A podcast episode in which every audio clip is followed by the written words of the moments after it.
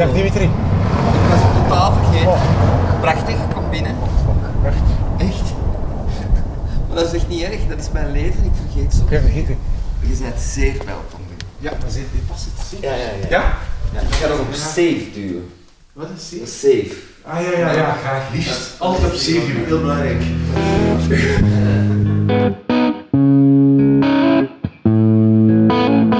Ik ben Wim Oosterlink. Welkom bij de podcast Drie Boeken, waarin ik boekenliefhebbers vraag naar de drie boeken die wij volgens hen moeten gelezen hebben. Abonneer je op deze podcast. Dat kan normaal op de plek waar je nu aan het luisteren bent. Zo mis je geen enkele aflevering. En je kan mij taggen op Twitter of op Instagram als je iets deelt straks na het beluisteren van deze podcast. Wim Oosterlink op Twitter, drie boeken op Instagram. Drie underscore boeken, drie in letters geschreven. Mijn gast in deze aflevering is Dimitri Leu.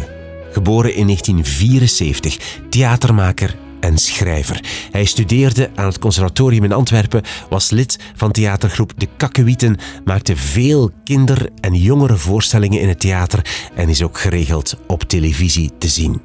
Ik ging bij hem thuis, langs in Berchem. Hij was onze afspraak vergeten, dus kwam in zijn training de deur open doen. Maar het lukte, zei hij. Hij had tijd. Dus we gingen aan de grote eettafel zitten om te praten. Er liep ook een poes rond die voor problemen zorgde. Ik ben namelijk allergisch aan poezen. Dat hoor je zo meteen. Wel, ik wil mij excuseren voor de chaos in deze aflevering. Echt waar.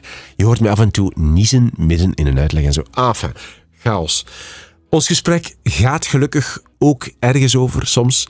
Hij vertelt over theaterstukken lezen, over het systeem van de boekenkast in hun huis die boven staat, over de bijzondere manier waarop hij zijn eerste voorstelling schreef en hoe die recent helemaal van betekenis veranderde door een dramatische gebeurtenis in zijn leven. Het gaat over theaterspelen, lelijk zijn en kunst. Alle boeken en auteurs die je hoort in deze aflevering vind je in een lijstje op de website wimoosterlink.be. Dus je hoeft niet te zitten meeschrijven. Dat zijn de show notes bij deze aflevering. En dan nu veel luisterplezier met de drie boeken die je moet gelezen hebben volgens Dimitri Leu. Ik ben aan het schrijven aan een nieuw toneelstuk voor volgend seizoen en dat heet Messia. Eh, waarbij Jennifer Heijlen, de ja, ravissante verschijning die nu overal op televisie te zien is, voor het eerst eh, zal meedoen met een theaterstuk eh, waarbij ze meteen de hoofdrol krijgt, want zij speelt de nieuwe Messias. En het is dus een verhaal waarbij de wereld in brand staat, overal chaos. En eh, ik speel een inspecteur van de politie. En ik interview haar en ik probeer haar te overtuigen om de mensen terug naar binnen te lokken, want ik acht haar verantwoordelijk, omdat zij dus ja, de nieuwe Messias is, die een paar zaken heeft gezegd, die zo geïnterpreteerd werden door mensen, dat iedereen naar buiten moest gaan en dat bezit niet meer bestond en uh, dat soort zaken. En tijdens het gesprek uh, overtuigt ze me eigenlijk van haar visie op de wereld. Ja, dat is eigenlijk in een notendop het verhaal dat we volgend jaar gaan doen, met heel veel muziek tussen. Uh, heel veel humor ook, want nu klonk het kei serieus. Ja, maar het is, eigenlijk, ja, het is eigenlijk om te lachen. Maar, en is er geen risico met iemand die dat nog nooit gedaan heeft, theater? En je zegt van, die krijgt dan de hoofdrol, dat, dat gaat lukken. Wel, ik, ik heb er een klik mee met haar, wat wel belangrijk is. En zij is... Oei, die mag niet in de gordijnen zitten, die kat. Maar het is in orde, ze is al weg. Ja. Er zit een ballon achter. Ik ga even de ballon van achter het gordijn doen. Huh, waarom is er een ballon achter? Ik hoorde niets. Ik hoorde... Er was geen ballon. Wat waren jij dan aan het doen, poes? Maakt geen geluid, de snuffelende Nee, dat poes. is de poes. Hoe heet de poes? Die heet Sushi. Sushi, oké. Maar dus Jennifer Heijden, Zij, maar iedereen ziet dat op tv, zij heeft een onwaarschijnlijke uitstraling, is heel innemend. eh, en ik denk ook geloofwaardig als nieuwe Messias. En ook tijd dat het een vrouw wordt. eh, ja, dat- toch zo Jezus, toch? Hè? De Messias als, als een soort Jezus. Jezus is eigenlijk Ja. ook een Messias. Ja, ja, ja, kijk, ik heb het goed begrepen, en. Maar we kunnen ook zeggen dat Mohammed eh, een, Messias is. En, eh, maar de Joden wachten nog altijd op hun Messias. Hè. Die, die denken niet dat Jezus het was Ah, of, of Mohammed. Dus er is nog altijd hoop dat er nog iemand zou komen die de wereld zou kunnen redden. Ja. En in mijn geval is dat dus Jennifer Heijlen. Prachtig. Ja. Hoe, als je zegt, ik ben aan het schrijven, Ja? in welk deel zit je dan? Of is dat dan echt zo dat je nu zo dialogen aan het typen bent? Of aan het bedenken bent nog? Of aan het Ja. afwerken of aan het herschrijven? Hoe ver zit je? Ik zit al ver. Het, eh, ik heb een eerste versie klaar en ik ben aan de tweede versie aan het werken. Dus ik heb heel het verhaal klaar, alle scènes. Die heb ik opgedeeld met, met engelenkoren die ertussen komen. Dat is niet erg. Ik ben allergisch aan uw poes. Ah, ah ik dacht aan engelenkoren. Nee, het. Vooralsnog. Ik kan ze buiten zetten. Eh, ja? Ja. Serieus? Maar Ja. ik wil dat ook wel niet, sushi niet aandoen. Ja, Is maar dat- we dat- hebben er eigenlijk drie. Drie sushis. Ja, we hebben eigenlijk my drie God. poezen hier. Dus... Maar is het dieronvriendelijk om ze buiten te zetten? Nee, we Nee? kunnen ook de, de- het raam openzetten. Ja, ja. mag. Oké. Ja, oké, wel leg Eh, die micro even dag, neer. dan luistert je nu eventjes naar Wim, die een verhaal vertelt over zijn allergieën, waar hij er het meeste last heeft van gehad. Dimitri jaagt nu al zijn katten naar buiten. Er is nog een derde en die is spoorloos. buiten. Die is buiten al. Ja, voilà. En daar zijn twee andere, ja. Ja, ja. Oh, amai. Ik voel me echt niet zo goed nu. Maar ik wil zeggen, ik voel me een beetje schuldig. Maar allee, ja. Nu zijn ze buiten. Ja, oké. Dank u voor uw eh, begrip. Wat een podcast. Het is altijd zo chaos bij u. Toch altijd drie poezen, maar of dat dan nu chaotisch is... Drie boeken, drie poezen. Dat is een nieuwe naam van de podcast. Drie poezen. Ja. Eh, je, je, je hebt al een eerste versie, was je aan het zeggen. Ja, ik ben dus eh, in het schrijfproces aanbeland dat ik echt nu dus de engelenkoren ertussen plaats, wat dat hele eh, grappige liederen gaan worden. En nu ben ik de, de dialogen tussen mij en Jennifer op rijm aan het zetten. Ik wil eigenlijk dat spoken word wordt. Helemaal op rijm. Ja. ja. Dus ik wil dat eh, de muziek overgaat in een beat eigenlijk, waar wij onze dialogen op slammen. Rappen, slammen, ja. ja. Ja. Niet rap, Nee. het moet nog praten blijven, denk ik. Allee, het moet nog gemaakt worden, hè, Wim? Dus Ja. wat En ben ik nu allemaal aan het zeggen? gebeuren, want ik heb je onderbroken. Hé? Eh, ja, en vandaag is Jennifer ook niet en de muzikanten er niet. Nee, het zal voor... eh, de première is eind oktober, hè. Oké. We spelen november, december. Maar ja, ik wil al een videoclip opnemen eind maart, 30 maart. eh, om dan al wat reclame te beginnen kunnen maken. En ik ben zo wat, ja, een kleine zelfstandige. hè. Mhm. Ja, ja. Allee, klein, dat wist je al, dat had je gezien. Maar zelfstandig dus ook. Dat wil zeggen, zonder subsidie. Ik doe alles puur op verkoop en met tax sheltering. Ehm, zo probeer ik te overleven in het eh, cultuurlandschap.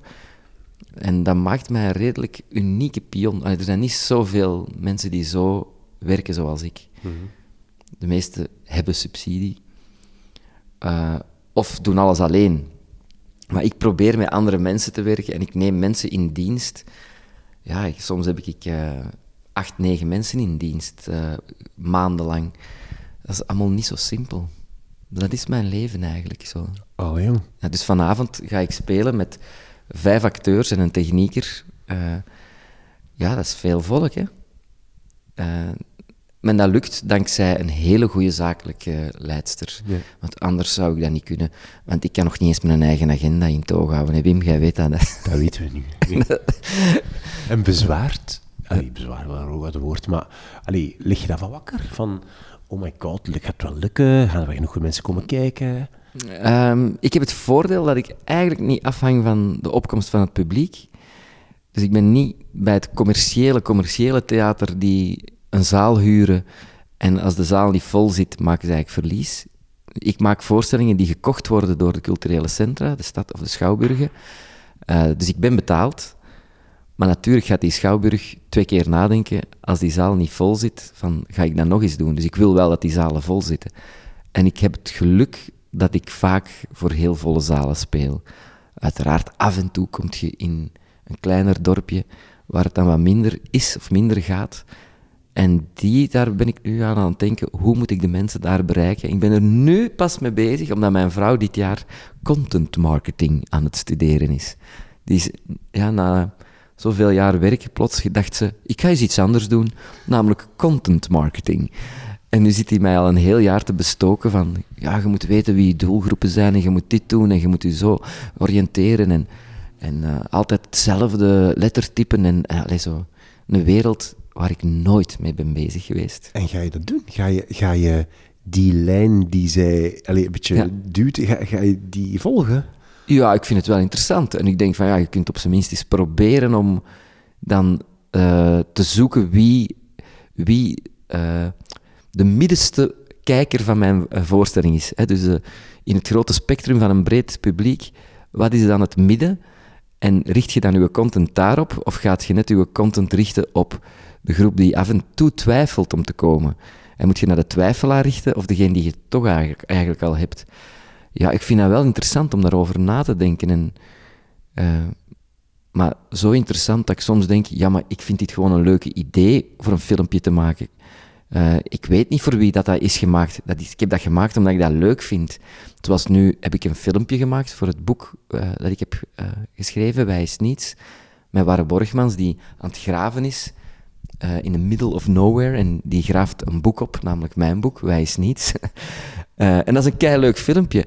Maar daar heb ik niet over nagedacht, over voor wie zou dat dan leuk zijn, of welke doelgroep is dat. Ik vind dat zelf leuk. En zo heb ik eigenlijk al heel mijn leven gewerkt. Maar misschien is het goed dat er iemand over mijn schouder meekijkt en zegt van... Ah wel, eigenlijk maak je dit nu daarvoor. Dus ja, dat is dan achteraf. Maar ik zou eigenlijk vooraf moeten leren na te denken. Een nieuwe ervaring. Oké, goed. We gaan eens naar jouw boeken kijken. Hè. Drie boeken waarvan je vindt dat we ze moeten gelezen hebben. Wat is jouw eerste boek? Het eerste boek is het verzameld werk van Georg Buchner. Ik heb dat gekozen omdat ik vind dat theaterauteurs zwaar onderschat zijn en bijna niet gelezen worden. Tot niet gelezen worden. Behalve door regisseurs die op zoek zijn naar een stuk, eh, theaterstudenten die het moeten van hun leerkrachten. Wel, Georg Buchner is eh, ja, een schrijver die niet zo lang geleefd heeft. Hij is maar 23 geworden. En dat spreekt me er ook in aan, want je voelt een jeugdigheid, een sturm en drang in, in dat, wat hij schrijft. Je voelt het belang van wat hij schrijft. Hij heeft eigenlijk drie grote toneelstukken geschreven. Eh, dat is Wojciech. En Wojciech, daar is eh, een opera van gemaakt, waardoor het iets bekender is, het verhaal van Wojciech. Dan heb je Leons en Lena, wat mijn lievelingsstuk is. Gewoon echt mijn lievelingsstuk van alle schrijvers van de wereld. En dat is echt mijn lievelingsstuk. En het is Dantes dood. En dat gaat over de Franse revolutie. Dus dat is een heel politiek stuk. Je hebt een heel politiek stuk, die in Dantes dood. Je hebt Wojciech, dat gaat over een arme soldaat waar ze experimenten zijn aan eh, op uitvoeren. Die mag alleen maar erwten eten. Die begint eigenlijk te hallucineren en die vermoordt zijn vrouw, zijn vriendin. Omdat hij denkt dat die bedrogen wordt. En hij voelt dat hij langs alle kanten eigenlijk een pion is van mensen, van de dokter, van de, de commandant, zijn vrouw. Hij voelt dat hij zijn leven niet onder controle heeft en ja, hij doet de moord. Ja. Er is natuurlijk een reden waarom eh, toneel niet zo vaak gelezen wordt, omdat het Dialogen zijn. niet echt voor dient of zo. Ja, ja, ja, mij. Of vind je dat het daar wel voor dient? Mm, Ik begrijp dat je dat zegt. Eh, ja, dat is een manier van lezen die je moet leren lezen. Maar ik merk bij vele auteurs, zoals Tom Lanois, dat hij heel vaak in scenario begint te schrijven. Dus bij een boek, hè, niet als hij een scenario schrijft, maar als hij een boek schrijft, eh, zie ik dat hij refereert naar hoe een scenario wordt geschreven met een beschrijving van de omgeving en dialoog. Gewoon, eh, en niet alleen hij, ook ehm, eh, allee, die die Jeroen, eh, ik kan niet op zijn naam komen, zeg, hoe kan dat nu? Ik ben zo'n grote fan. Eh, Olieslagers, ja, brouwers? Jeroen Olieslagers, ja. ja. Dus echt, ik ben echt een grote fan daarvan. Ik kon niet op zijn achternaam komen. Dat was omdat ik tegelijkertijd Dimitri Verhulst wou zeggen. Dus ik, ik, die voor mij nu momenteel voorbeeldauteurs zijn in Vlaanderen, Jeroen Olieslagers, Dimitri Verhulst en Tom Lanois, omdat die alle drie voor mij wel heel veel met dialoog doen en tegelijkertijd ehm, de, de beschrijving levend houden. Maar je merkt dat die minder aandacht geven aan beschrijvingen als de generatie voor hen, zal ik zo zeggen. Ja. Maar door hen, dankzij hen, denk ik dat een gewone boekenlezer eigenlijk wel een theatertekst kan lezen, want we zijn het eigenlijk al wel een beetje gewend, dankzij eh, de moderne auteurs, of de hedendaagse auteurs. Ja. Maar En- ik had nog niks over mijn lievelingsstuk Oh, gezegd. pardon, hè? vertel maar. over Leons en Lena. Want daar, daar was ik eigenlijk naartoe aan het werken. Want ja, oké, Dante is dood. Heel interessant, filosofisch, politiek. Eh, dan de Wojciech, wat over waanzin gaat. Prachtige zinnen zitten daarin. Want dat spreekt mij vooral bij hem aan. Zijn zinnen. Hij, heeft zo, hij, kan, ja, hij kan zinnen maken waar ik dagen naar kan kijken of kan over nadenken. Ik word daar gelukkig van, van zijn manier van schrijven. Leons en Lena gaat, eh, is een sprookje, zogezegd. Gaat over een, eh, een Leons, een prins. En die moet trouwen, die wordt uitgehuwelijkt, maar die wil niet uitgehuwelijkt worden. En die loopt weg van de koning en de koningin. En zijn plicht eh, loopt weg. Zijn beste vriend Valerio loopt ermee achter. En die praten over de ledigheid van het leven, dat het allemaal niks is, niks. Want dat, Buchner heeft het wel heel vaak over dat het leven niks is. Op die 23 jaar dat hij dan geleefd heeft. Hij zal misschien blij zijn dat hij maar 23 jaar geleefd heeft. Ehm, maar, eh, maar Leons en Lena is een komisch stuk. Dat moet ik wel even zeggen, want nu klonk het alsof dat echt eh, deprimerende bocht was, maar dat is het niet. Het is poëtisch, humoristisch en het gaat over iets.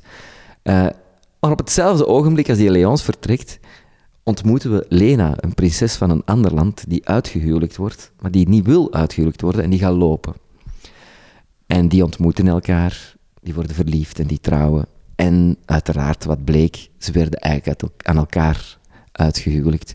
Dus dat is het komische element of het, het sprookjeselement in, in dat verhaal.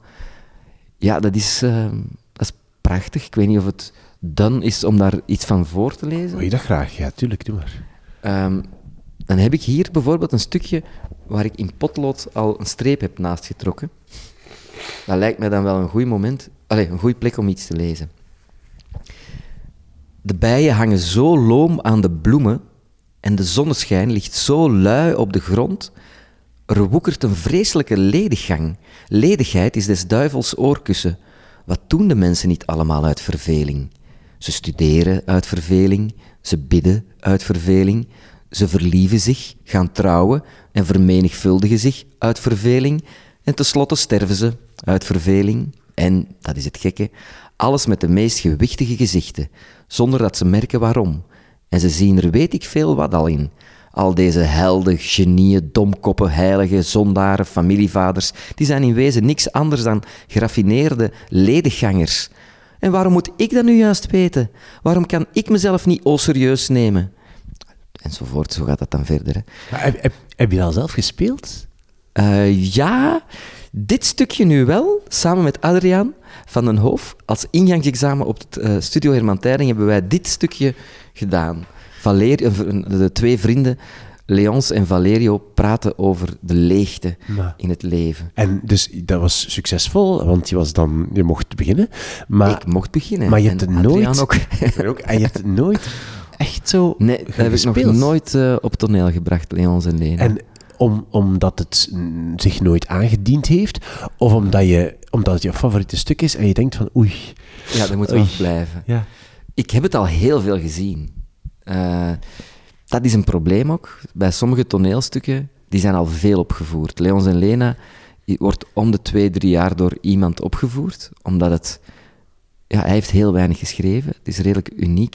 Het is wel een tijdsgenoot eh, van eh, Schiller en eh, Goethe. Mm, ja, dat is ongeveer dezelfde periode in dat Goethe er net voor was. Maar in ieder geval die periode, romantiek. Maar hij is de, een van de enigen die daar zo humor heeft ingestoken in die periode. En ja, het is gewoon een heel populair stuk. Eh, ik heb het ook gezien, al in Duits opgevoerd. Allee, dat is zo'n stuk dat ik eh, voor naar een land zou gaan of om te zien van hoe, hoe heeft die dat gedaan. Ja. Ja. Wauw. Dus ik wacht tot, tot ik rijp ben om Buchner eh, te doen. Dit exemplaar, weet je nog wanneer je dat gekocht hebt of zo? Ja, zeker. Zeker. In Amsterdam, in de Theater Bookshop van eh, Amsterdam. Dat is bij de Stadschouwburg van Amsterdam.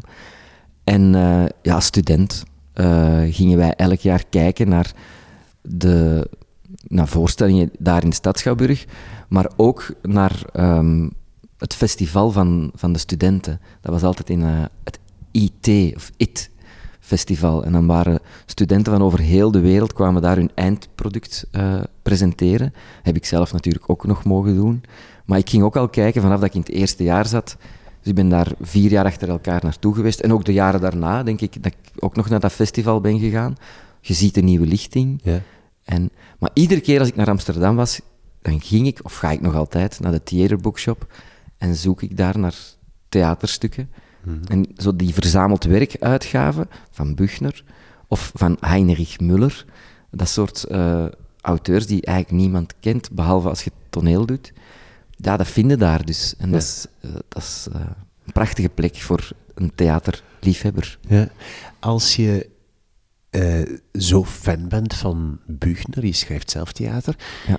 heb je dingen van hem gebruikt? Heb je trucjes overgenomen? Heb je dingen gezien waarvan je denkt van, ah, dat moet ik zo aanpakken of dat ga ik zo doen? Onbewust zeker. En wat, wat ik van Buchner onthoud, is dus die zinnen. Hij heeft zo van die zinnen die, die je op een kalender kunt zetten, die je op een muur kunt schrijven. Eh, en dat, dat is los van het verhaal, een soort filosofische gedachte die hij zo mooi weet te verwoorden. Wacht, er is iets dat hij over een vrouw zegt. Ik ga ik toch zoeken. Het zal zeker een potlood hebben aangeduid wat het zoeken makkelijker maakt. Deze zin bijvoorbeeld is een zin waar ik echt van kan genieten. Hoeveel vrouwen heb je nodig om de toonladder der liefde op en neer te zingen? Eén vult nauwelijks één toon. Dat is raar, hè? Maar dan denk ik erover na, wat zou hem daarmee willen zeggen? Waarom is de wasem over onze aarde een prisma dat de witte vuurstraal der liefde tot een regenboog breekt? Wel, dat soort zinnen, daar hou ik dus enorm van. Maar probeer je dat dan zelf ook te doen? Als je zegt van, ik onthoud die zinnen, of dat is wat ik fan- fantastisch vind bij hem, probeer je dat dan ook zo in je eigen werk? Ja, dat gaat vanzelf natuurlijk. Hè. Je denkt daar niet over na, maar je hoopt altijd dat er zinnen in zitten die geen spreektaal zijn, want dat is eigenlijk het, ding. Het is een grote discussie nu net geweest, dus we hebben een voorstelling waar we nu eh, aan toeren zijn, Onderland, die gelinkt is aan het boek Wij is Niets. Onderland gaat over eh, na- een ramp en Wij is Niets is alles voor die ramp. Dus ze hangen samen zonder dat ze hetzelfde ver- verhaal vertellen. Maar bij Onderland, bij de repetities, kwamen we al tot een discussie van... Ja, maar Dimitri, ehm, de tekst is soms niet spreektaal. Ik zeg, ja, nee, dat is ook, het is ook theater. Hè? Dus af en toe mogen er zinnen zijn dat mensen zo kijken van... Of, dat, er wat poëzie in zit, of dat wat literair is. Ik vind dat eigenlijk dat dat moet kunnen. Ik hou van taal. Ik ben de schrijver van dat stuk. En ik wil, ik wil ook wel dat mensen mijn pen herkennen of mijn stem herkennen. Ook al zegt Warre Borgmans dat, of Michael Pas dat, of Alice Rijs. Ja, dat zijn nog altijd mijn woorden die door hun spreekorgaan naar boven komen en die zij tot leven brengen. Zij maken er spreektaal van. En zij maken van dat literaire iets normaal. Iets wat iedereen zou kunnen zeggen. Ja, dat, En daar was discussie over, omdat niet iedereen het eens was met het feit dat er was iemand komen kijken, eh, iemand van buiten de groep, en die had dat opgemerkt. Die had gezegd van, zou het niet interessant zijn om, om echt spreektaal te houden? Maar ik heb met één groot argument dat van tafel geveegd, namelijk het is geen televisie, waarbij dat we voor geloofwaardigheid gaan. Theatraliteit is op zijn plaats, want het is in het theater. En mensen weten dat, want ze hebben een ticketje gekocht waarop staat theaterticket. Dus dat is geen probleem. Mensen kennen de conventie en mensen komen zelfs speciaal daarvoor naar de zaal. Dus dan zou ik eigenlijk iets ontnemen van die, aan die mensen wat hen toekomt.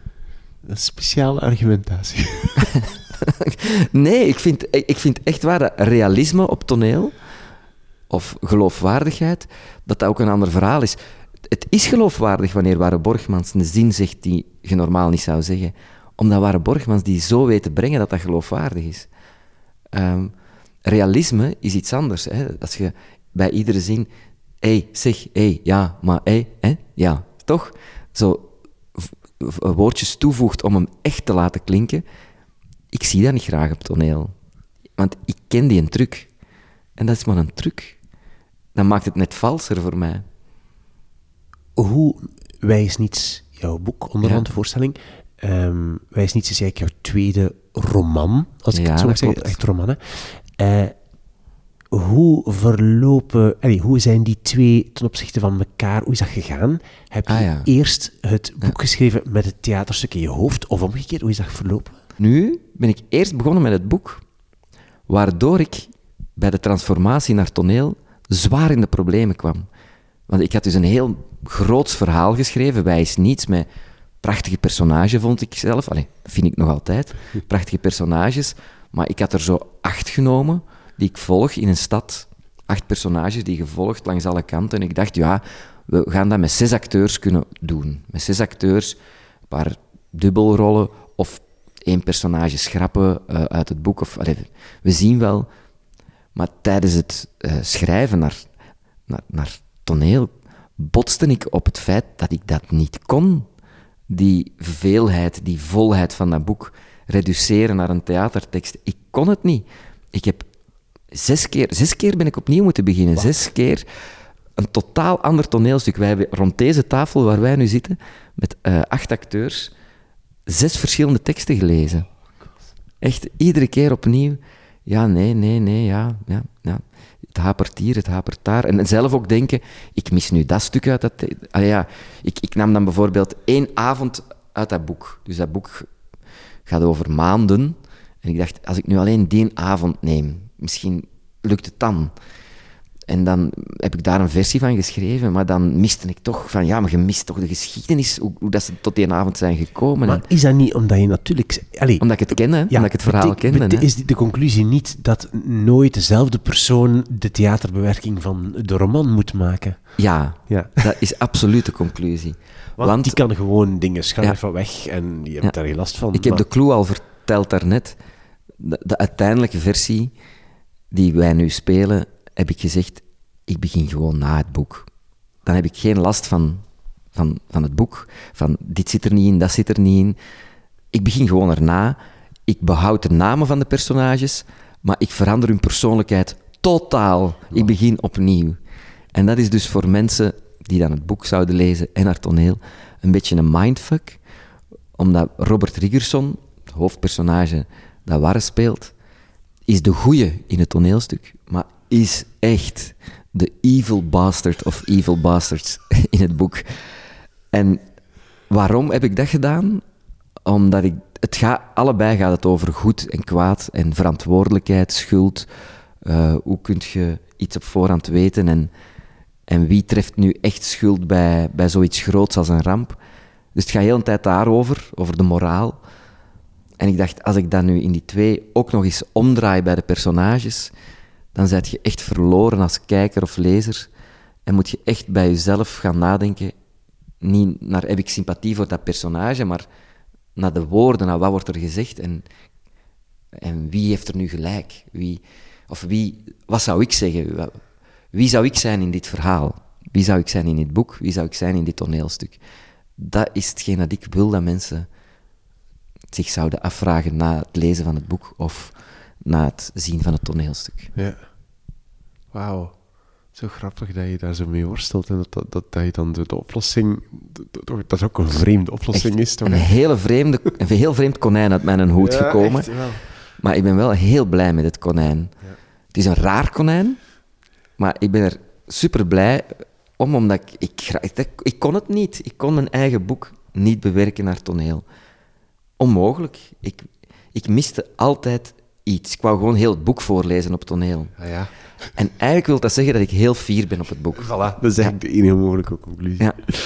Ehm, voor we naar jouw tweede boek gaan, wil ik nog even vragen over Maura. Ehm, je hebt Maura eigenlijk opnieuw gespeeld. Speciaal zeven voorstellingen, zeven dagen, 49 mensen telkens.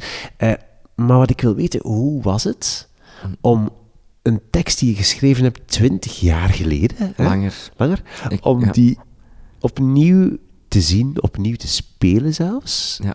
Hoe voelde dat? Maura is dus echt de eerste tekst die ik geschreven heb. En ik moet toch naar Buchner teruggrijpen. Ik was 23. Ik had veel liefdesverdriet. Maura gaat over liefdesverdriet. En ik had uit al mijn lievelingsstukken, ook van Shakespeare en, en Heinrich Müller en Bernard-Marie Coltes en allemaal theaterauteurs, allemaal zinnen over liefdesverdriet uh, geknipt. En die had ik allemaal zo op een muur gehangen. En, en ik dacht, ik ga verbindde punten doen. Uh, en ik ga daar een toneel mee maken, een monoloog mee maken. En dus dan ben ik zo beginnen schrijven, als ik die zin heb van Coltes, dan kan ik tot aan die zin van Buchner geraken als ik nu dit schrijf. Ah, ja. En zo ben ik beginnen schrijven. En dan heb ik alle zinnen die niet van mij zijn, weggenomen. maar zo heb ik dus dat stuk geschreven, Maura. En dan klopte het bijna en heb ik nog bijgeschreven om het te laten kloppen. En dan dacht ik, hé, hey, ik ben een schrijver. ik, ik ben echt onbewust een schrijver geworden. Omdat ik, ja, van iedere schrijver vond ik wel iets heel tof om te zeggen, maar ik vond nooit heel dat stuk passen bij wat ik wou vertellen. En, en die drang om dan zelf te vertellen en, en zelf te schrijven, is daar ontstaan. Omdat ik het, dat, dat liefdesverdriet van mij wou communiceren. En, en dat is nog een wijze raad voor iedereen die dit hoort. Hoe dichter je bij jezelf schrijft, hoe universeler. Dat is de waanzin van theater en van schrijven. Dat is wanneer ik schrijf over mijn bompa die dement is geworden, wat heel dicht bij mij is. Want dat was mijn, mijn, mijn lievelingsbompa en ik had er een heel hechte band mee. Dus ik denk dan, dat verhaal gaat over ons, over mij en mijn bompa. Dat ik, doordat ik dat zo persoonlijk maak, maak ik het net universeel over iedereen zijn bomma en bompa. En, of demente man, demente vrouw. En dat heeft mij nu al toch een paar keer verbaasd in het leven. Dat, dat ik, wanneer ik denk, ja, daar gaat niemand iets aan hebben, want dat is puur navelstaarderij. Dat dat dan, dan net zoveel mensen raakt. Ja. En, en als je het dan zoveel jaren later zag en las en zelfs speelde, ja. Was het nog hetzelfde? Was het iets anders geworden? Ik zat er al jaren mee in mijn hoofd van ik wil Maura nog hernemen. Want dat, dat, is, dat is een belangrijke tekst voor mij, omdat het de eerste is. Maar mijn droom was om Maura als kunst iets in een museum te doen. Zo, ehm, zoals Joseph Beuys, zo achter glas. Of niet achter glas, maar gewoon in loop theater te brengen. En mensen die voorbij kwamen, konden dan tien minuten blijven staan, een uur, uh, twee seconden. Uh, maar dat ik gewoon in loop die voorstelling zou spelen, was mijn droom. Dat iemand die vastzit in zijn eigen liefdesverdriet, iedere keer opnieuw dat verdriet, iedere keer opnieuw dat vertellen. Omdat in het verhaal van Maura, dat zal ik dan even verklappen, uh, ja, Maura is dood.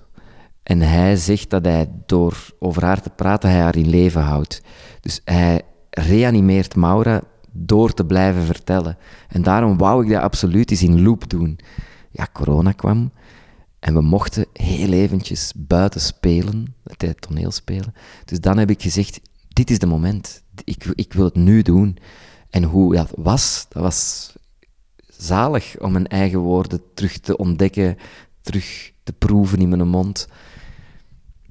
Ja, uiteraard was ik 25 jaar ouder, maar het verdriet is, zat er nog, het verdriet, dat, dat, komt vanzelf bij die woorden, bij de vertelling.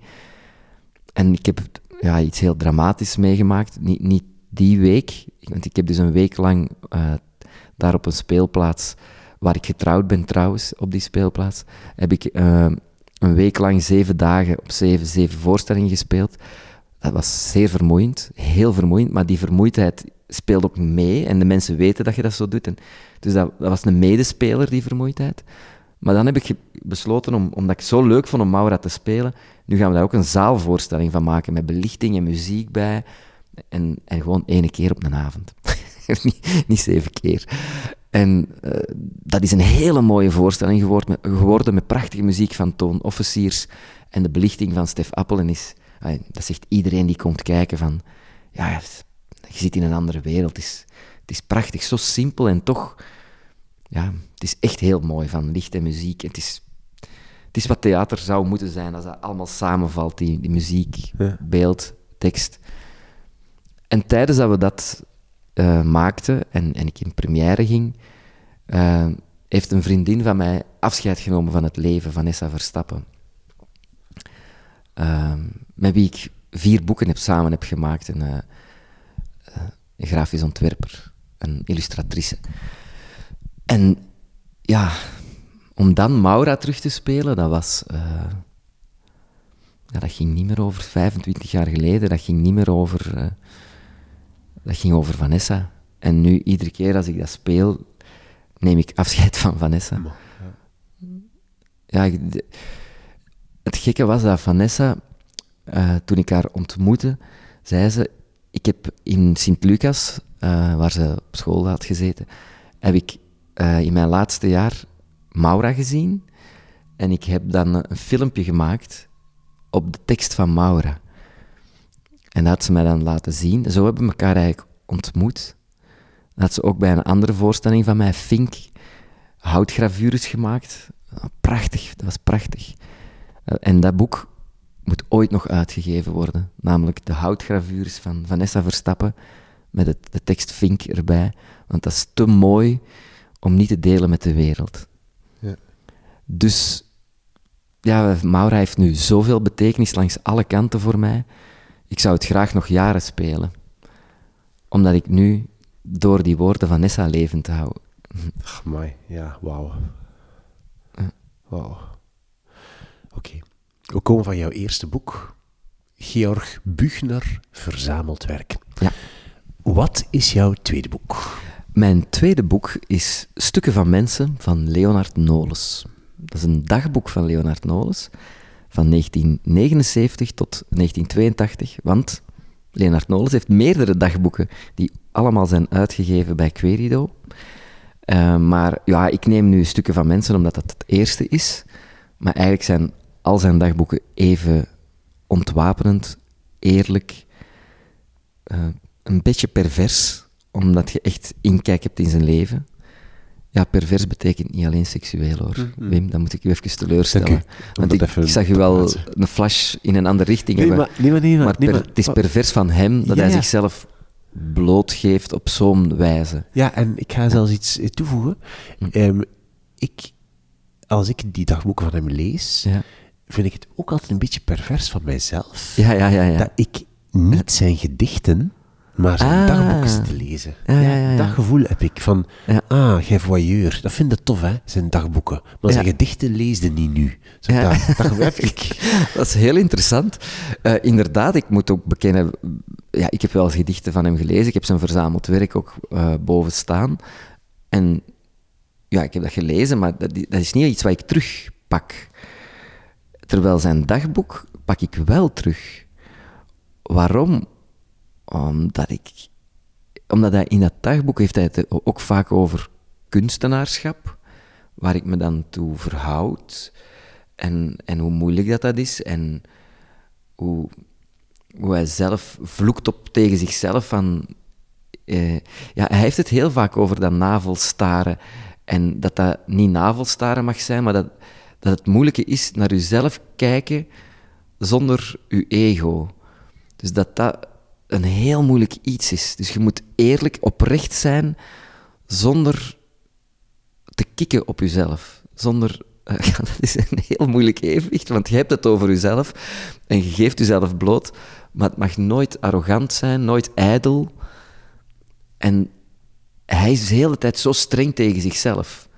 En dat, is, dat doet deugd om dat te lezen, omdat ik dat herken, of om herinnerd te worden aan het feit dat ik vind dat dat zo is. Maar ik vind dat dat zo zou moeten. Ik vind eigenlijk dat wat hij schrijft, dat iedere kunstenaar dat zou moeten uh, lezen en ter harte nemen. Ja, want ik denk dat ijdelheid niet thuis hoort in kunst, zonder humor. Ja, terwijl dan net heel veel kunstenaars um, heel zelfbewust zijn, heel, heel hard met hun uiterlijk bezig zijn. Um, maar dan moet je nog dat kunnen abstraheren van, van wie je zijt. Of van, um, het is niet omdat duizenden vrouwen uh, Rinus van de Velde een mooie man vinden, uh, dat hij zijn schoonheid moet gaan benadrukken. benadrukken. Uh, Rinus van de Velde benadrukt ook zijn lelijkheid. Hij gaat ook zichzelf lelijk schilderen, geeft dus hij, ik vind dat hij een heel goed iemand is als voorbeeld, omdat hij een kunstenaar is die zichzelf veel afbeeldt, maar dat op een eerlijke wijze doet. Eigenlijk zijn zijn schilderijen ook soort van dagboeken, maar dagboeken van dagen die hij niet beleefd heeft, mhm.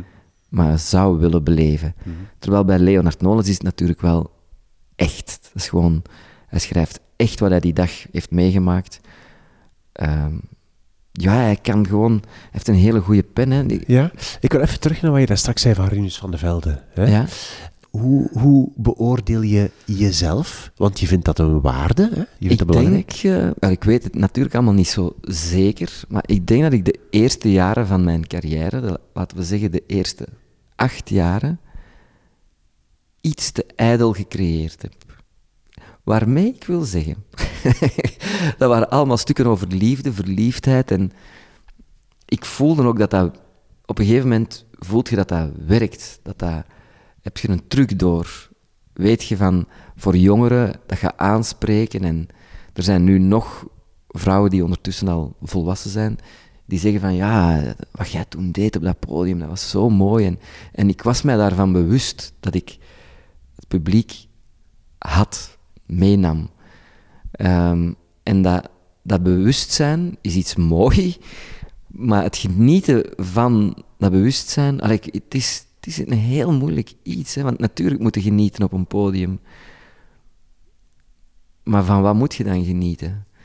Ja, het, is, het is echt iets heel moeilijk. Het, de fout van mijn jeugdige zelf was de herhaling. Ehm, ik, had meer moeten durven andere dingen opzoeken.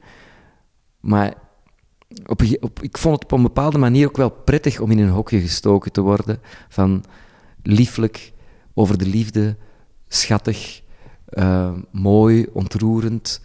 Ik vond dat allemaal wel leuke stickers die op mij werden gekleefd. Uh, ja, en dan uh, met taal spelen en, en ik, ik vond daar wel iets in. Het is ook de reden waarom ik dan gevraagd werd om mee te doen met uh, um, Magieke Kussen.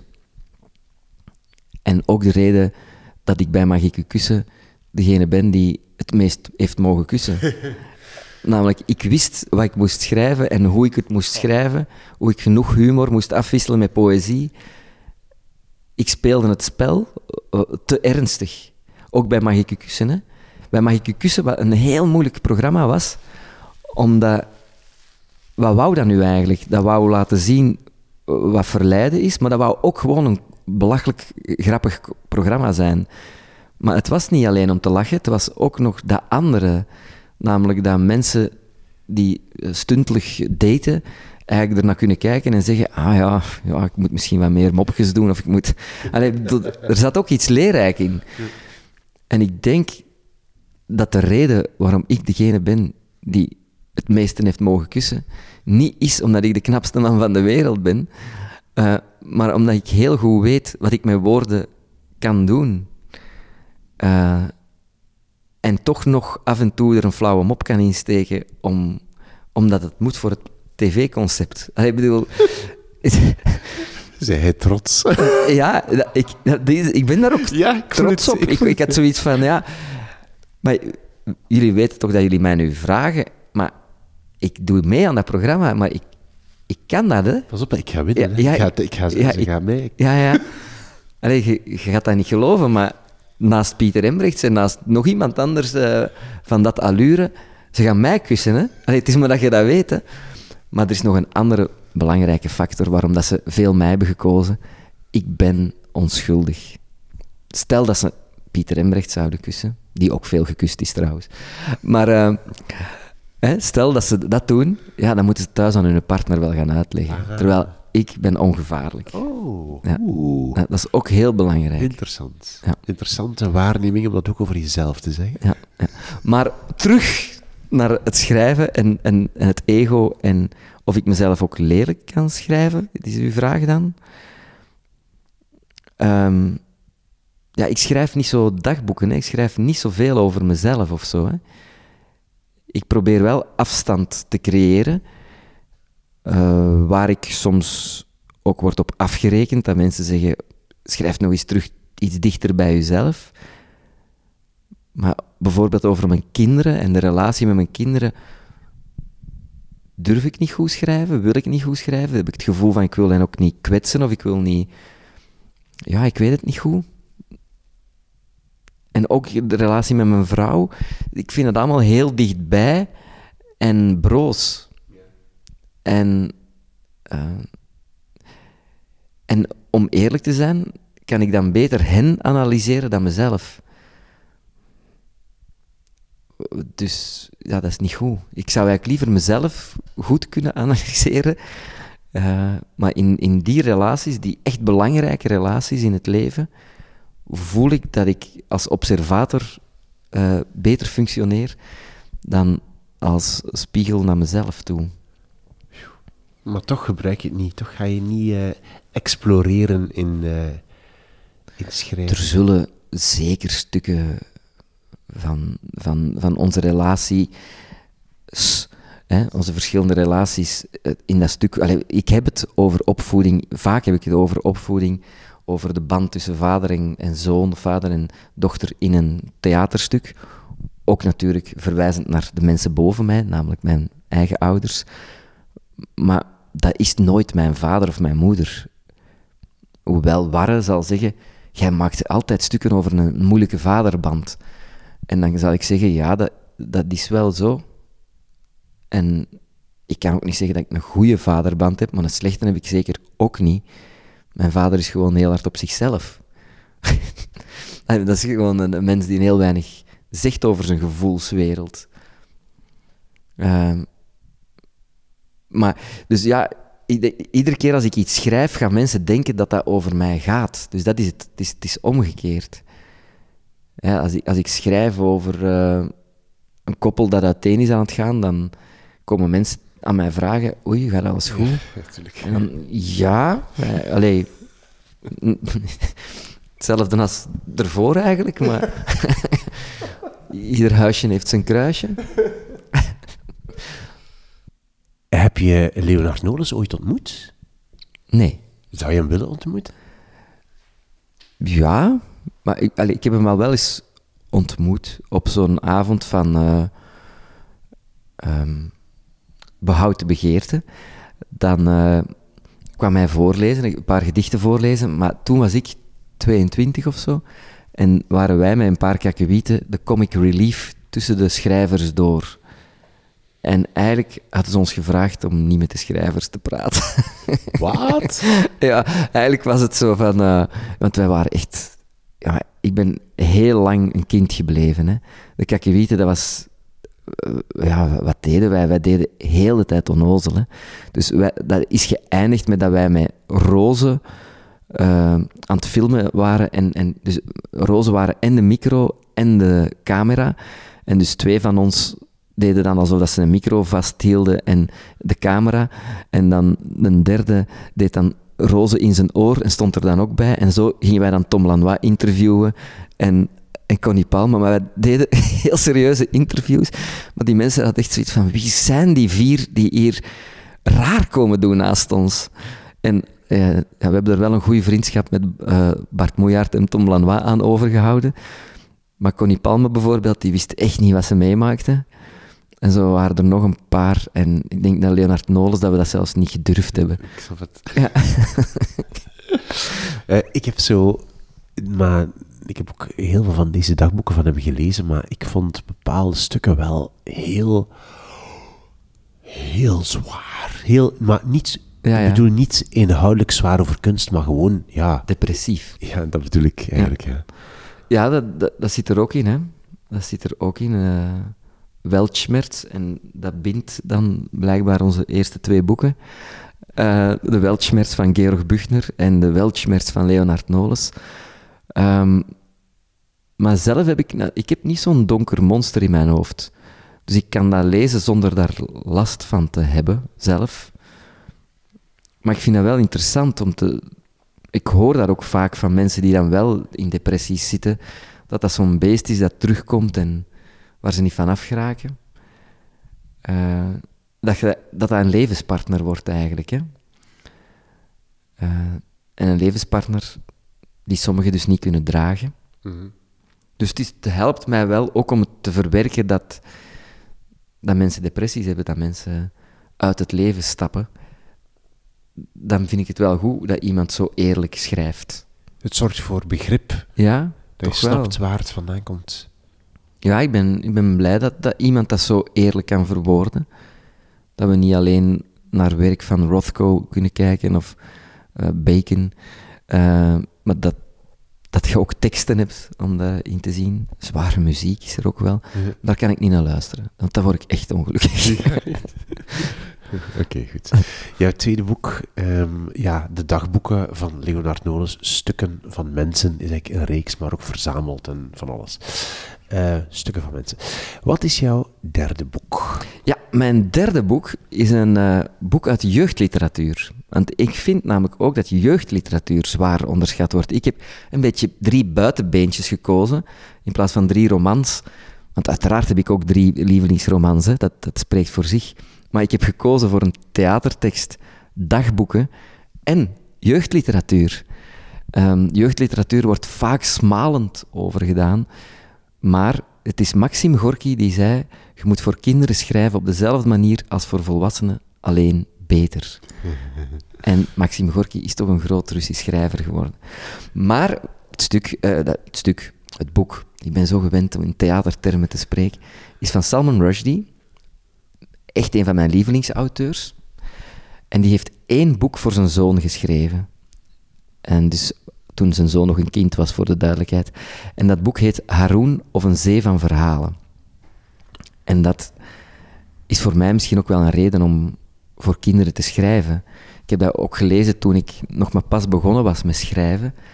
En ik dacht, oh, dat is, dat is prachtig. Dat gaat over iets, dat, dat spreekt mij als volwassene aan. En toch is het op kindermaat. En het gaat over een, verhalenverteller.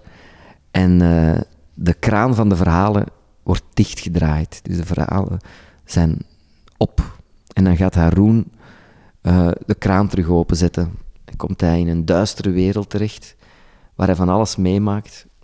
En uiteindelijk, uiteraard, zet hij de kraan terug open en kan de zee van verhalen terug vollopen. Een heel mooi verhaal, simpel verhaal. Ja. Eh, ja, Oké. Ja. Eh, heb je als kind veel gelezen? Wanneer ben je beginnen lezen? Op mijn zeven, hè. Eh, toen, ik, toen ik leerde lezen, zes, op mijn zes. Ehm, nee, ik, ja, wij, wij gingen naar de bibliotheek. Hè. Dat is een periode natuurlijk dat, dat er geen internet was. Dus wat, deden, wat deed ik alleszins en mijn broer? Wij gingen elke week naar de bibliotheek. En eh, wij, niet zoals mijn kinderen dat deden voor strips te gaan halen, maar wij lazen wel boeken. Ja. Maar we hadden een heel klein bibliotheekje. We hadden twee bibliotheken in Mortsel. De bibliotheek en dan de wijkbibliotheek. En die was dus eigenlijk klein, vooral qua jeugdliteratuur. Dus die had ik eigenlijk allemaal gelezen. Die plank. Eh, nee, die planken waarschijnlijk, hè, of één kast of zo. Die heb ik gelezen. Eh, maar dan... Ah, er is nog een bibliotheek. Dus er zijn meer boeken dan dat er hier staan. Dat was een ontdekking. Eh, maar ik had heel veel hobby's. Heel veel. Ik, ik was, denk ik, een ADHD'er, maar dat woord bestond toen nog niet. Eh, en mijn ouders stuurden mij elke dag naar een sport. Eh, ik moest elke dag sporten. Dus maandag zwemmen, dinsdag turnen, woensdag voetballen, donderdag turnen. Eh, vrijdag was het dan eh, terug zwemmen en dan zaterdag was het dan voetbal. Maar in de voormiddag moest ik ook nog naar eh, Creamo, wat dan iets wat, en dan zondag moest ik en naar de Giro en, en ook turnen. Dus ik moest de hele tijd buiten, want mijn ouders vonden dat ik binnen veel te druk was. Dus mijn ouders hadden, wanneer ze mij zagen, een moe kind dat braaf was en, en dan een boek kon lezen. Op zichzelf gewoon een boek kon lezen. Terwijl mijn leerkrachten, die hadden een kind dat ADHD had en die gaven mij elke dag straf. Ik heb heel mijn, mijn schooltijd straf geschreven. Oei. En dan schreef mijn mama meestraf. Die zei, allee, want jij bent toch een braaf kind, jij zult wel niks ergs gedaan hebben. en dan schreef die met haar linkerhand, want zij was rechtshandig, uh, is rechtshandig, want ze leeft nog, uh, schreef die mee, straf voor mij. En dan zei ze, dan kun je tenminste nog iets lezen. Oh, wat zeg. Ja. Dus, dus uh, lezen werd dan wel gestimuleerd ook van... Ja, maar het is de Jan Terlouws en de, en de Thea Beckmans, de, degene die toen echt zo populair waren. En het was echt wel blij zijn dat er een nieuwe Jan Terlouw was. Um, ja, dat, dat zijn de, de boeken van mijn jeugd waar, waar je echt gelukkig van werd hè, en, en mee meeleefde. Uh, Roald Dahl uiteraard ook. Ja. Uh, houd je bij wat je leest? Nee. Nee? nee. Lijstjes of zo? Of nee, ik hou zelfs echt niet bij wat ik lees. Dus ik doe boeken ook weg. Ah ja, oké. Ja, ja, ja. Okay. Maar hoezo? Bewust weg? Het moet weg? Nee. Ja, dus uh, we hebben één boekenkast boven. En we vinden dat dat genoeg boeken zijn. En af en toe mag er één in de plaats en dan moet er een ander weg. Ah, zo. Niet meer dan één boekenkast. Ja, ja die is groot, hè? Oké. Dus... nu, want nu deed je zo van boekenkast, maar... Nee, nee, nee. Het is groter dan de wijkbibliotheek, uh, heb je van Rushdie uh, nog andere ja, gelezen? Dat, dat doe ik niet weg. Dus Rushdie is echt een van mijn lievelingsauteurs en daar heb ik alles van. Ja. Um, en ja, De Duivelsverse bijvoorbeeld is een prachtig boek waar ik nog altijd niet van begrijp waarom dat hij daarvoor een fatwa over zich heeft gekregen. Want, maar ja, ik ben natuurlijk ook geen moslim, dus ik mag daar niet over oordelen. Maar eigenlijk is, is er niks mis in dit boek, denk ja, ik. Ja. Maar dat is tijdsgeest en zo. Dat zou nu anders beoordeeld worden. Maar mijn lievelingsboek van uh, Rushdie, buiten dan Haroon of de Zee van Verhalen, vermits ik dat heb gezegd dat dat mijn lievelingsboek is, is uh, Middernachtskinderen. Uh, dat is het eerste wat ik van hem gelezen heb ook. En zoals The First Cut the Deepest is bij liefdesverdriet, is misschien de eerste kennismaking met een kunstenaar ja, de grootste indruk die hij achterlaat. Dat is zo bij toneel ook. Hè. Als je iemand voor de eerste keer ziet spelen, dan denk je wauw. En dan, als je die dan twintig keer hebt zien spelen, dan zeg je, ah ja, dit doet dit en dat. Het is wel echt goed, maar ik weet wat hij doet. Uh, maar ja, ik weet dus wel hoe Salman Rushdie schrijft, maar wat hij schrijft blijft me toch verbazen. Hij is de man die twee bladzijden kan doen over één zin. Uh, maar ik vind dat heel interessant. Misschien ook, en dat heb ik dan achteraf zitten denken, met uh, de, de, achtergrond van dat ik Latijnse heb gedaan, waar dat, waarbij gezinsconstructies moet ontleden. En, en dat, ja, de Romeinen die konden er ook wel wat van, van zo een zin te maken over twee pagina's lang, waarbij dat je moest zoeken naar wat het hoofdwerkwoord was en wat de bijzin van de bijzin van de bijzin. maar eigenlijk heeft dat een liefde teweeggebracht voor taal en hoe taal werkt. En Rushdie doet dat meesterlijk. Ja, ik denk dat in België dat Jeroen Olieslagers daar het beste in is. Dat hij ook zo barok kan schrijven. Want ik noem dat heel barokke taal. Dat als je zo'n vol, vol zin, zin en nog zin erbij plakken. Ik denk dat we daar nu Jeroen Olieslagers in hebben, die dat ook kan. Want eh, dat is positief bedoeld. Ja. Um, ik dacht dat je ergens zegt dat, dat je de laatste tijd bezig was met, uh, met zo'n oude Vlaamse klopt. literatuur, klopt dat? Ja. Waar, waar, hoe zit dat? Ja, tijdens de coronacrisis dacht ik, welke letters zitten er allemaal in corona. En dan had ik daar het woord kanon meegemaakt. Wat niet echt klopt, want er zitten twee N'en in. Maar nee, door de kanon, die af en toe ter sprake komt uh, in de politiek, en, en hij, wordt, bestaat ook echt, de kanon is er. Ze zijn er aan, eh, aan het werken en hij bestaat. Was ik eens benieuwd van, wat komt er dan in die kanon terecht en wat is dan dat Vlaamse wat is die Vlaamse identiteit waar we dan zo fier op zijn? Hè? En wat is dat dan in de literatuur? En ik dacht, ja, laat, laten we de klassiekers nog eens ter hand nemen. Ik heb wel in mijn jeugd al eens uh, een Felix Timmermans gelezen en, en uh, een, een, een, Walschap of allee, ja, een Buissen. Dat, dat, dat, heb ik allemaal wel eens vastgehad, maar laten we dat nu nog eens lezen, nu, nu dat we volwassen zijn geworden. En hoe en? Ik heb eigenlijk een hele grote liefde bij mezelf ontdekt voor uh, Felix Timmermans. Ik uh, ben ook niet zo ver geraakt. Ik, want ik wou heel de kanon doen, maar Timmermans heeft al zoveel geschreven dat ik nu eigenlijk eerst alles van hem wil gelezen hebben voordat ik verder ga. En ik wil eigenlijk ook iets doen met Timmermans. Ik wil een toneelstuk maken van zijn, van zijn werk over een jaar of twee, drie. Ik zou eigenlijk een verhaal willen maken over zijn liefde voor de natuur. Hij heeft in ieder werk dat hij schrijft, zit er, zitten er prachtige beschrijvingen van dat netenlandschap. En ik zou die zo eens allemaal onder elkaar willen zetten, naast elkaar. Eigenlijk zoals ik Maura geschreven heb, zou ik eigenlijk nu even met Timmermans zinnen overal zo een goede muur vol willen hebben. En dan zien van, kan ik daar niet één verhaal van maken? Waarschijnlijk zal Paliter als geraamte dienen. Het bekendste werk, maar het is ook een heel geschikt werk, omdat Paliter in het verhaal dat ik wil vertellen met Timmermans zijn werk, namelijk, ik hou van de natuur, wat, wat je ja, in ieder letter, ieder vezel van dat boek voelt bij Timmermans. En, en de boodschap bij, bij Paliter is, het einde van dat stuk zegt, hem, zegt Paliter, jullie maken mijn natuur kapot, ik ben hier weg. Een voorstelling over Felix Timmermans, of gebaseerd op het werk van Felix Timmermans. Ja. Binnen een paar jaar dus. Ja, binnen een paar jaar. als ik dan durf. Als je durft. Wil jij jouw drie boeken nog eens herhalen? Wat was jouw eerste boek? Mijn eerste boek was Verzameld werk van Georg Buchner, met daarin Leons en Lena. Een, ja, een, een must-read. Eh, dan hebben we Stukken van Mensen van Leonard Nolens, dagboek. En dan hebben we Haroon of de Zee van Verhalen van Salman Rushdie, ja. jeugdliteratuur. Uh, wat ben je nu aan het lezen? Nu zit ik... Maar ik ben niet goed bezig, ze. Ik zit nog altijd bij Jeroen Olieslagers, bij Wilde Vrouw. En ik vind het echt heel tof. Maar het probleem is dat ik zo veel weg ben, want ik lees eigenlijk s'avonds. En na, als ik terugkom van een toneelstuk, wil ik niet meer lezen. Dat voel ik, dat, dat gaat niet. Dus ik kom dan rond 12 uur thuis of zo. En dan is het toch eventjes iets stom op tv zien, of iets interessants op tv zien. Maar lezen lukt me niet op dat uur. Waardoor hij al te lang op mijn nachtkastje ligt. Maar ik vind het echt goed. Dus ik ga aan overdag lezen moeten beginnen.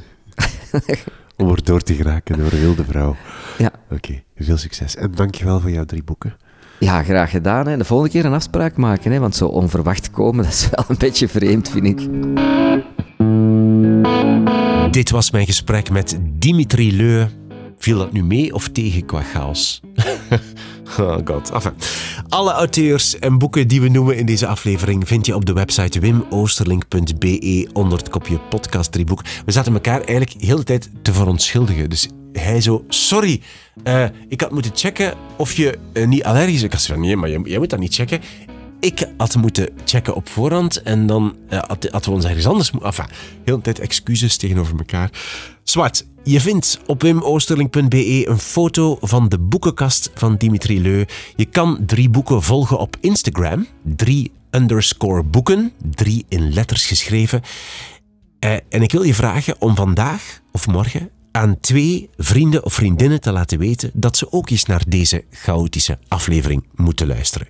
Twee, daar doe je mij een groot plezier mee. Het is om de podcast verder te verspreiden. Ik ben Wim Oosterlink. Dit is de podcast Drie Boeken. Dankjewel voor het luisteren. En tot de volgende keer.